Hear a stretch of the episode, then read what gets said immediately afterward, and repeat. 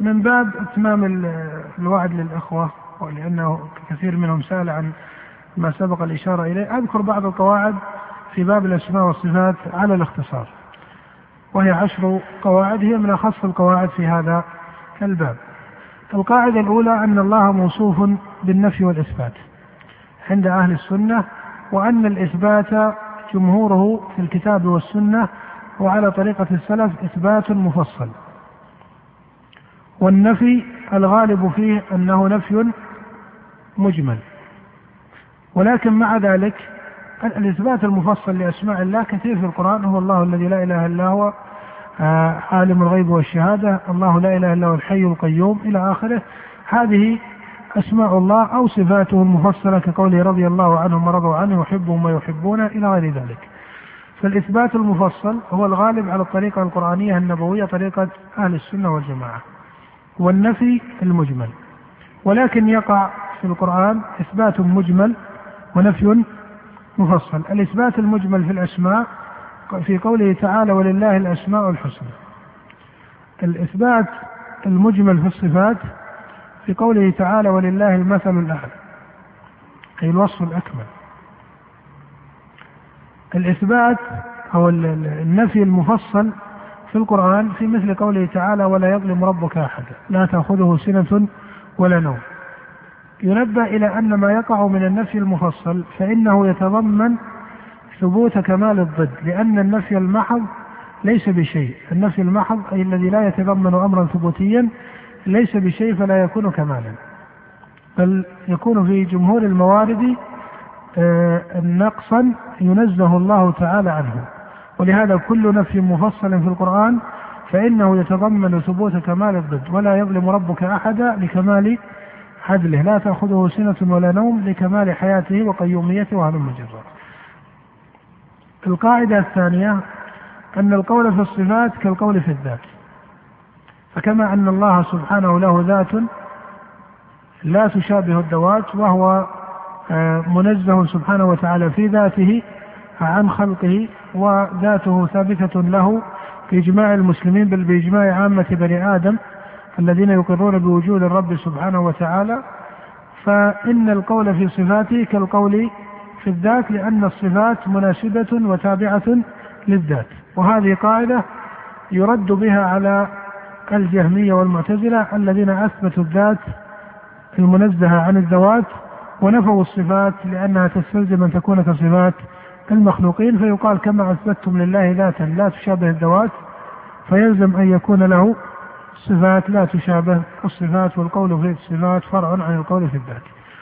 القاعدة الثالثة أن القول في بعض الصفات كالقول في البعض الآخر. وهذه يرد بها على نفاة متكلمة الصفاتية من الأشعرية ونحوهم الذين أثبتوا بعض الصفات ولم يروا فيها تشبيها ونفوا بعض الصفات ورأوا في إثباتها إيش؟ تشبيها أو تجسيما أو حدوثا أو نحو ذلك. فهذه القاعدة القول في بعض الصفات كالقول في البعض الآخر تدل على أن القول في الصفات واحد فمن قال إن غضب الله يؤول بالإرادة لأن الغضب من صفات المخلوقين قيل والمخلوق يتصف بالإرادة فإذا قال إرادة تثبت لله ليست كإرادة المخلوقين قيل وغضب ليس كغضبهم وهلم جرا الرابعة أن نعلم ما أخبرنا به في أسماء الله وصفاته من وجه دون وجه. نعلمها من حيث المعاني فإنا نعلم معنى السميع والبصير والعليم والحكيم يعلم معنى الرضا والغضب والسمع والقدرة والخلق إلى آخره. ولكن لا نعلمها من وجه آخر وهو كيفية الصفات. كما قال مالك رحمه الله الاستواء معلوم والكيف مجهول والإيمان به واجب والسؤال عنه بدعة. فلا تلازم بين العلم بالمعنى والعلم بالكيفية لأن العلم بالكيفية ممتنع لأن الله سبحانه لا يحاط به علما. القاعدة الخامسة أن لفظ الظاهر صار فيه إجمال واشتراك. فإذا قيل هل ظاهر النصوص مراد أو ليس مرادا؟ قيل إن قصد بالظاهر المعنى اللائق بالله سبحانه وتعالى فإن ظاهر النصوص مراد. وإن قصد بالظاهر التشبيه فإن هذا المعنى يعلم أن الرب سبحانه منزه عنه ولكن لا يسلم ولا يجوز أن يجعل هذا المعنى الباطل هو ظاهر النصوص لأنه يلزم عليه أن يكون ظاهر القرآن كفرا. فإن التشبيه كفر فيلزم أن يكون ظاهر القرآن كفرا. وهذا مما ينزه كتاب الله سبحانه وتعالى عنه.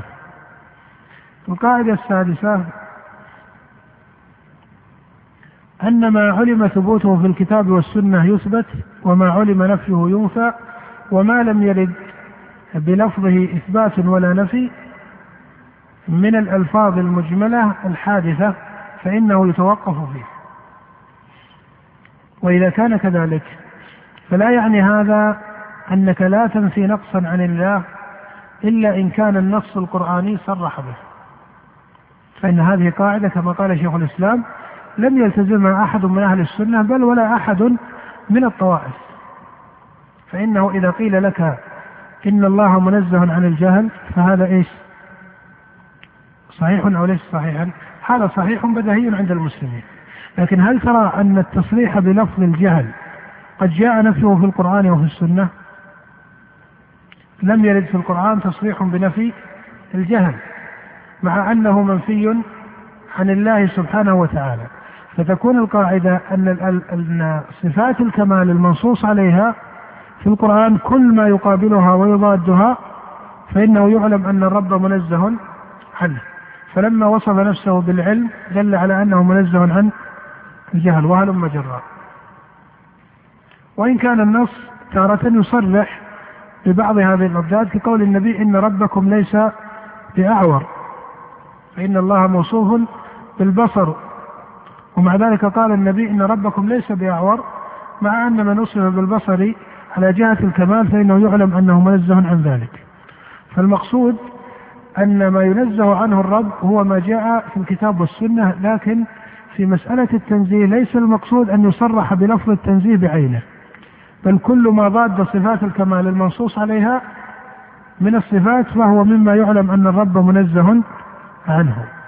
أما اللفظ الذي لم يرد ولكنه مجمل ولهذا لفظ الجهل ليس مجملا يعرف أنه نقص محض. أما الألفاظ الحادثة المجملة التي تحتمل حقا وباطلا فهذه طريقة السلف أنهم يتوقفون في لفظها ويستفصلون في معناها فإن كان صوابا قبل وإن كان باطلا رد. وأما اللفظ فإنه يتوقف فيه من حيث الأصل. وإن كان مخاطبة أهل الاصطلاح باصطلاحهم لا بأس به عند المناظرة كما قرره المصنف. وذلك كلفظ الجهة والجسم ونحوها. السابعة والقاعدة السابعة. وهي قاعدة آه، فاضلة في هذا المقام وهي من أخص موارد الغلط عند المخالفين أن الاشتراك في الاسم المطلق لا يستلزم التماثل في الحقيقة عند الإضافة والتخصيص. أو ربما تقول بعبارة أخرى أن الاشتراك في الاسم المطلق ليس هو التشبيه الذي نفته النصوص في مثل قوله ليس كمثله شيء. أن الاشتراك في الاسم المطلق لا يستلزم التماثل في الحقيقة عند الإضافة والتخصيص أو تقول أن الاشتراك في الاسم المطلق ليس هو التشبيه الذي نفته النصوص في مثل قوله ليس كمثله شيء ذلكم أن الله وصف نفسه بالرضا فقال رضي الله عنهم وأضاف صفة الرضا إلى المخلوقين فقال ورضوا عنه قال يحبهم ويحبونه فالصفة إيش؟ المحبة. قال تعالى إن الله نعم يعظكم به إن الله كان سميعا بصيرا. وقال عن عبده إنا خلقنا الإنسان من نطفة أمشاج نبتليه فجعلناه سميعا بصيرا. وكان بالمؤمنين رحيما. لقد جاءكم رسول من أنفسكم عزيز عليه ما عنتم حريص عليكم بالمؤمنين رؤوف رحيم وهلم جرا فهذا التوارد الذي تراه في القرآن في الاسم المطلق ليس هو التشبيه الذي نفته إيش؟ النصوص وإلا للزم أن يكون القرآن إيش؟ أن يكون القرآن إيش؟ متناقضا إذا كان قوله تعالى ليس كمثله شيء يعني أنه لا يوصف الله بصفة ثبت اشتراك بينه وبين المخلوق في أصلها في اسم الصفة المطلق فيلزم على هذا أن يكون القرآن إيش متناقضا لأنه نفى التشبيه وأثبته. وإنما الاشتراك في الاسم المطلق ليس هو التشبيه الذي نفته النصوص. لما؟ لأن الاشتراك في الاسم المطلق ليس له وجود خارجي إنما وجوده وجود ذهني. والوجود الخارجي من شرطه الإضافة والتخصيص والتعيين. فإذا قلت محبة فهل فهمت أي محبة؟ هنا هل هي محبة الولد لأبيه أو الأب, الأب لابنه أو الزوج لزوجته أو هي المحبة محبة المؤمن لربه أو محبة الرب لعبده المؤمن؟ إذا قلت محبة فهي لفظة إيش؟ مجردة لا تخصيص فيها ولا إضافة ولا تعيين. فإذا أضفت فقلت محبة المؤمنين لربهم أو قلت محبة الله لعبده أو قلت محبة زيد لعمر فعند الإضافة والتخصيص يكون معنى المحبة في المقامات الثلاثة واحد أو مختلف مختلف. والماهية والحقيقة مختلفة. وهذا يدل على أن النفاة الذين نفوا صفات الله بحجة أن المخلوق يتصف بها فاتصف بالغضب فلا يتصف الله بالغضب.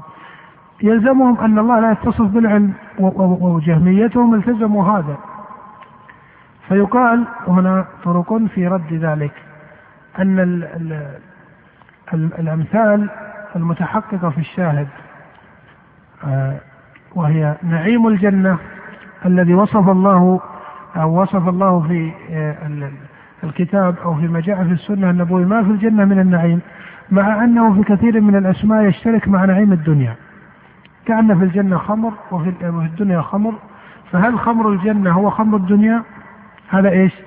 هذا ممتنع لأن الله ذم خمر الدنيا بل سماه إيش؟ سماه إيش؟ ها؟ سماه رجسا. يا أيها الذين آمنوا إنما الخمر والميسر والأنصاب والأزلام إيش؟ رجس من عمل الشيطان وهذا مجمع عليه بين المسلمين. لكن أهو رجس حسي أو ليس حسيا هذا محل النزاع بل جمهور الفقهاء وهم الأئمة الأربعة يرونه رجسا حسيا. المهم أن الله سماه رجسا. فبالضرورة أن خمر الآخرة ليس ليس كإياه مع أن الاسم واحد. وكذلك الماء آه، غيره من الأسماء التي ذكرت في نعيم الدنيا أو في نعيم الآخرة. أو ذكرت في الدنيا وفي نعيم الآخرة. فهذا مثل. حصل اشتراك في الاسم المطلق بين الخمر والخمر ولم تتماثل الحقيقة. فمن باب أولى إذا أضيفت صفة إلى الله وجاء اسمها في حق العبد أن لا تكون الصفة كالصفة. فإذا كان الاشتراك في الاسم المطلق لم يستلزم التماثل في الماهية والحقيقة بين المخلوقات كخمر الدنيا وخمر الآخرة فبين الخالق والمخلوق من باب أولى. ومثله الروح فإنها موصوفة بصفات ومع ذلك هل هي كصفات البدن لا. فإذا اتفق الاسم المطلق في بعض موارد صفات الروح مع صفات البدن ومع ذلك الماهية والحقيقة مختلفة. ولهذا يقال إن من ينفي بعض صفات الله كالغضب والرضا ونحوه من الأشاعرة بحجة أن المخلوق يتصف به أو أنه يستلزم تشبيها يقال ما قولكم في علم الله؟ ألم تثبتوا لله علما يليق به مع أن المخلوق له علم وأثبتتم لله قدرة مع أن المخلوق له قدرة بل ثبوت صفة القدرة للمخلوق. أيها أعرف وأشهر هي أو صفة الغضب للمخلوق. صفة إيش؟ صفة القدرة أخص. ومع ذلك قالوا إن قدرة الباري ليست كقدرة المخلوق. فيقال فكذلك الغضب والرضا وأهل مجرد فإن كان النافي من المعتزلة الذي ينفي كل الصفات والجهمية كذلك فيقال أنتم أثبتتم لله وجودا مع أن المخلوق إيش؟ موجود. فحصل اشتراك في اسم الوجود. فإما أن يكون الوجود ماهيته واحدة وهذا يعلم امتناعه فإن الله واجب الوجود والمخلوق ممكن الوجود والله هو الخالق لهذا المخلوق إلى آخره مما يعلم بالضرورة العقلية والفطرية أن ثمة تباينا بين وجود الخالق ووجود المخلوق مع الاشتراك في اسم الوجود. فالقول في العلم وغيره كالقول في إيش؟ في الوجود. إن قلتم إثبات العلم يستلزم أن يكون كعلم المخلوق قيل لما لم يلزم ذلك في اسم أو في صفة الوجود. فإذا الأشاعرة يرد عليهم بما يثبتونه من الصفات. من ينفي كل الصفات يرد عليه باسم أو بصفة بصفة الوجود التي لا يستطيع أحد أن ينفك عنها وهذا هو السبب في عناية شيخ الإسلام بتقرير هذه القاعدة قاعدة الوجود والفرق بين أنواع الوجود وأن الإشتراك باسم الوجود المطلق لم يستلزم التماثل في ماهية وجود الخالق ووجود المخلوق لأنه يتحقق به إبطال لمذهب أصناف المخالفين. القاعدة الثامنة وهي قياس الأولى في حق الله وهي أن كل كمال ثبت أن كل كمال لا نقص فيه بوجه من الوجوه ثبت للمخلوق فالخالق أولى به وهذا هو معنى قوله تعالى ولله المثل الأعلى وسماه من سماه من أهل السنة لما ذكروا الموقف من القياس قالوا والرب سبحانه وتعالى لا يستعمل في حق قياس التمثيل الذي يستوي فيه الفرع والأصل ولا قياس ولا قياس الشمول الذي تستوي أفراده بل يستعمل في حق قياس الأولى. قياس الأولى هو أن كل كمال ثبت للمخلوق لا نقص فيه بوجه من الوجوه فالخالق أولى به. كالكلام فإنه صفة كمال في المخلوق لا نقص فيه بوجه من الوجوه من حيث هو صفة وإن كان بعض المخلوقين قد يستعمل هذه الصفة في الكفر لكن من حيث هو صفة كمال. والدليل على أنه كمال أن الله أبطل ألوهية العجل بكونه ليس متصفا بها. واتخذ قوم موسى من بعده من حليهم عجل جسدا له خوار. ألم يروا أنه إيش؟ لا يكلمهم. فدل على أن عدم اتصافه بالكلام دليل على إيش؟ نقصه وأن الإله الحق يتصف بالكلام. يا أبت لم تعبد ما لا يسمع ولا يبصر ولا يغني عنك شيئا؟ فاستدل إبراهيم على بطلان ألوهية الأصنام. بكونها لا تسمع ولا ولا تبصر. فإذا الكلام والسمع والبصر والإرادة والقدرة كمالات في المخلوق فالخالق أولى بها ولكنها في حقه ليست كالصفات التي يتصف بها المخلوق. وإذا قلنا كل كمال يتصف به المخلوق لا نقص فيه بوجه من الوجوه لأن بعض الصفات هي كمال في المخلوق لكن من حيث هي كمال إضافي ليس كمالا مطلقا. وهما قد يسمى بالكمال الإضافي أي أنه كمال بشري. ليس كمال يعني الصفة عند تجريدها لا تستطيع أن تقول إنها كمال لكنها صارت كمالا باعتبار حال بني آدم. مثل إيش؟ إذا الكمال الذي إذا اتصف بالمخلوق فالخالق أولى به هو ما كان في المخلوق من الكمال المطلق. المطلق ليس التام وإنما الذي هو كمال حتى في مقام التجريد. كما إذا قلت الإرادة. الإرادة صفة كمال سواء أضفتها لأي شيء فهي كمال. إذا قلت الكلام صفة كمال. هذا الكمال المجرد أو المطلق أي المطلق عن الإضافة. ليس الكامل لأن الكمال هو في حق هو حق الله سبحانه وتعالى. هذا نفرق بينه وبين الكمال الإضافي في المخلوق.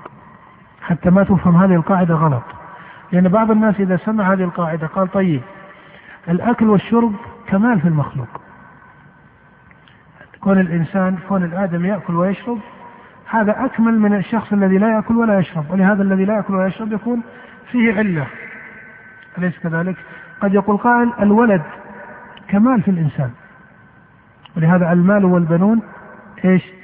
زينة الحياة الدنيا. هذا كمال إضافي.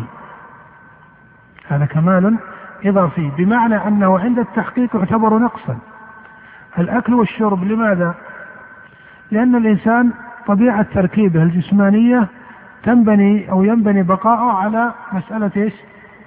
الأكل والشرب بمعنى أنه لو لم يأكل ولم يشرب لانتهى وهذا نقص في بني آدم ولهذا كانت الملائكة كما يقول شيخ الإسلام كانت الملائكة صمد وفي قوله تعالى قل هو الله أحد الله الصمد فالصمد السيد في أشهر التفسيرين عند السلف. ولكن جاء في آه، آه، رواية عن ابن عباس صححها شيخ الإسلام ونصرها وصوبها وقال إنها لا تعارض الرواية الأخرى عن ابن عباس والقول الآخر عند السلف أن الصمد هو الذي لا جوف له. وقال إن هذا كمال يتصف الله به لأن التجويف نقص. ولهذا ثبت في الصحيح من حديث أبي هريرة لما خلق الله آدم تركه في الجنة ما شاء أن يتركه فجعل إبليس يطيف به أو يطوف به أي يدور حوله. فرآه أجوف أي مجوف الداخل بمعنى أنه يحتاج لقانون الأكل والشرب والشهوة إلى آخره. قال فلما رآه أجوف عرف أنه خلق خلقا لا يتمالك. أنه خلق خلقا لا يتمالك. ولهذا ترى أن الشيطان يأتي الإنسان من هذه البوابة كثيرا فالمقصود أن مثل الولد والأكل والشرب وإن قيل إنها كمال في الإنسان فهي كمالات إيش؟ إضافية وإلا هي في حقيقتها نقص. من حيث التكوين الخلقي الأساسي نقص. واضح؟ فهذا يفرق إذا بين الكمال الذي هو كمال حتى بتجريده وإطلاقه وبين الكمال الإضافي. القاعدة التاسعة وهي قاعدة أعم من الأولى وأقوى ومنبنية على حقيقة عقلية قاطعة وإن كانت الأولى كذلك لكن هذه أقوى وأطرد. وأيضا تتضمن هذه القاعدة الإثبات وتتضمن إبطال مذهب المخالف. ولهذا هذه القاعدة هذه القاعدة التاسعة هي محك النزاع بين السلف ومخالفيهم من نفاة الصفات. وهي أن ثبوت أحد الوصفين المتقابلين يستلزم العلم بنفي الآخر. وأن نفي أحد المتقابلين يستلزم العلم بثبوت الآخر. القاعدة على هذا الوجه تأتي بها مرة كذا ثم تقلبها حتى تتحقق القاعدة. العلم باتصاف الله سبحانه وتعالى بالعلم يستلزم انتفاء إيش؟ الجهل. هذه اذا المنفي هنا هل هو محل خلاف بين المسلمين؟ المنفي وهو الجهل محل خلاف وليس محل خلاف؟ ليس محل خلاف. هي إذا أردت أن تبطل المذهب المخالف تستعملها على طريقة العكس. أن العلم بانتفاء أحد الوصفين المتقابلين يستلزم العلم ضرورة بثبوت الآخر. فتقول للمعتزلة لما اتفقنا أن الله منزه عن الجهل لزم أن يكون موصوفا بالعلم. لما اتفقنا أن الله منزه عن العجز لزم أن يكون موصوفا بصفة القدرة. وهذا مجرد فإذا العلم بثبوت أحد الوصفين المتقابلين يستلزم العلم بنفي الآخر هذه قاعدة هل يخالف فيها أحد؟ هل يخالف أحد؟ المعتزلة الجهمية يخالفون؟ لا ما يخالفون يقول إذا علمنا ثبوت الصفة دل على أن ضدها يكون إيش؟ منفيا يقولون هذا مسلم لكن كيف يستعملها المصنف للإثبات؟ بعكسها وهو أن العلم بنفي أحد الصفتين يستلزم العلم بثبوت الصفة الأخرى المقابلة. لما القاعدة تقبل الانعكاس الاضطرادي؟ ويقول المصنف أنه ما دام المخالف يقول أن العلم بثبوت الصفة يستلزم نفي ضدها فإن الفرض العقلي الضروري يلزم عليه إيش؟ العكس لأن القاعدة منبنية على عدم الجمع بين على عدم الجمع بين إيش؟ المتقابلين. فإذا أتيت بها كذا أو أتيت بها كذا لا فرق في العقل بين هذين. ولهذا من قال يعني أن العلم بثبوت أحد الوصفين يستلزم نفي الوصف المقابل وسلم بذلك لزمه بالضرورة العقلية القاطعة أن يسلم بأن نفي أحد الوصفين يستلزم إيش؟ العلم بثبوت الآخر المقابل. فإن الصفة صفة الكمال دائما يقابلها ويضادها صفة النقص. فإذا علمنا تنزه الباري عن صفات النقص لزم أنه متصف بصفات الكمال. ولهذا هذه قاعدة اضطرادية وهي مبنية على آه، أضبط قوانين العقل وهو قانون عدم الجمع بين النقيضين. وهو المذكور في مثل قوله تعالى أم خلقوا من غير شيء أم هم الخالقون. فأنهم خلقوا أنفسهم ممتنع. أنهم خلقوا من غير شيء ممتنع. لازم بالضرورة العقلية إيش؟ أن الله هو الذي خلقهم. قاعدة التقابل هذه اهتم بها شيخ الإسلام كثيرا وشرحها في الرسالة التدمرية أو أشار إليها بعبارة أدق أشار إليها في الرسالة التدمرية في القاعدة السابعة وإن كان شرحها في كتبه شرحا مطولا. وهي محك الخلاف بين المعتزلة وأهل السنة. فالمعتزلة ترى عدم قبول الرب للصفات الأشاعرة ترى عدم قبول الرب للصفات الفعلية ومتأخرهم يقولون والصفات الخبرية.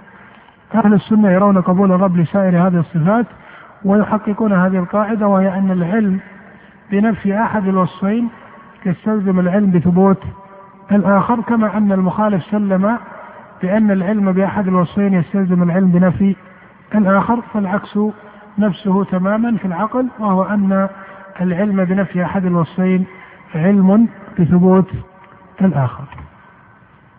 آخر قاعدة أن القول بنفي الصفات أو ما هو منها في كثير من الموارد هو فرع عن آه، تقرير مسألة الكيفية. السلف كما سلف في الكلام يفرقون بين العلم بالصفة من حيث معناها وبين العلم بها من حيث كيفيتها.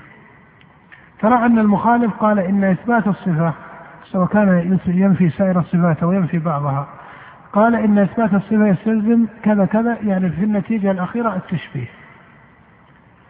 فيقال هذا مبني على أن العلم بالصفة يستلزم العلم بإيش؟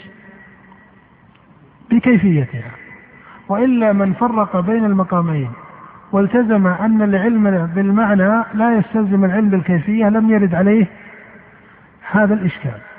وهذا معنى قول المصنف في مرة حتى في رسالة الحموية مرة هذا أن كل معطل ممثل وكل ممثل معطل. فإذا هذا التفريق بين العلم بالمعنى والعلم بالكيفية وهو مذهب السلف رحمهم الله يقال إن المخالف وهمه في كثير من الأحوال جاء من هذا التلازم أنه إن أثبت المعنى لزم أن يثبت العلم بالكيفية ثم يبحث بالكيفية فلا يعرف إلا كيفية إيش؟ يختص بها المخلوق. فينفي الكيفية وينفي تبعا لها المعنى الذي ظنه ملازما لهذه الكيفية. ومن هنا التفريق أصل في هذا الباب سواء في تحقيق مذهب السلف أو في الرد على المخالف. وهذا معنى قولهم كل معطل ممثل. هذا محصل للإشارة لهذه القواعد وكما أسلفت أن هذه الرسالة كانت تستحق أكثر من هذا بكثير وإنما هذه بعض الإشارات إلى مقاصد المصنف رحمه الله فيها. نسأل الله سبحانه وتعالى يرزقنا العلم النافع والعمل الصالح وأن يجعلنا هداة مهتدين وأن يرزقنا حسن القول والقصد والعمل. وصلى الله وسلم على نبينا محمد وآله وصحبه أجمعين.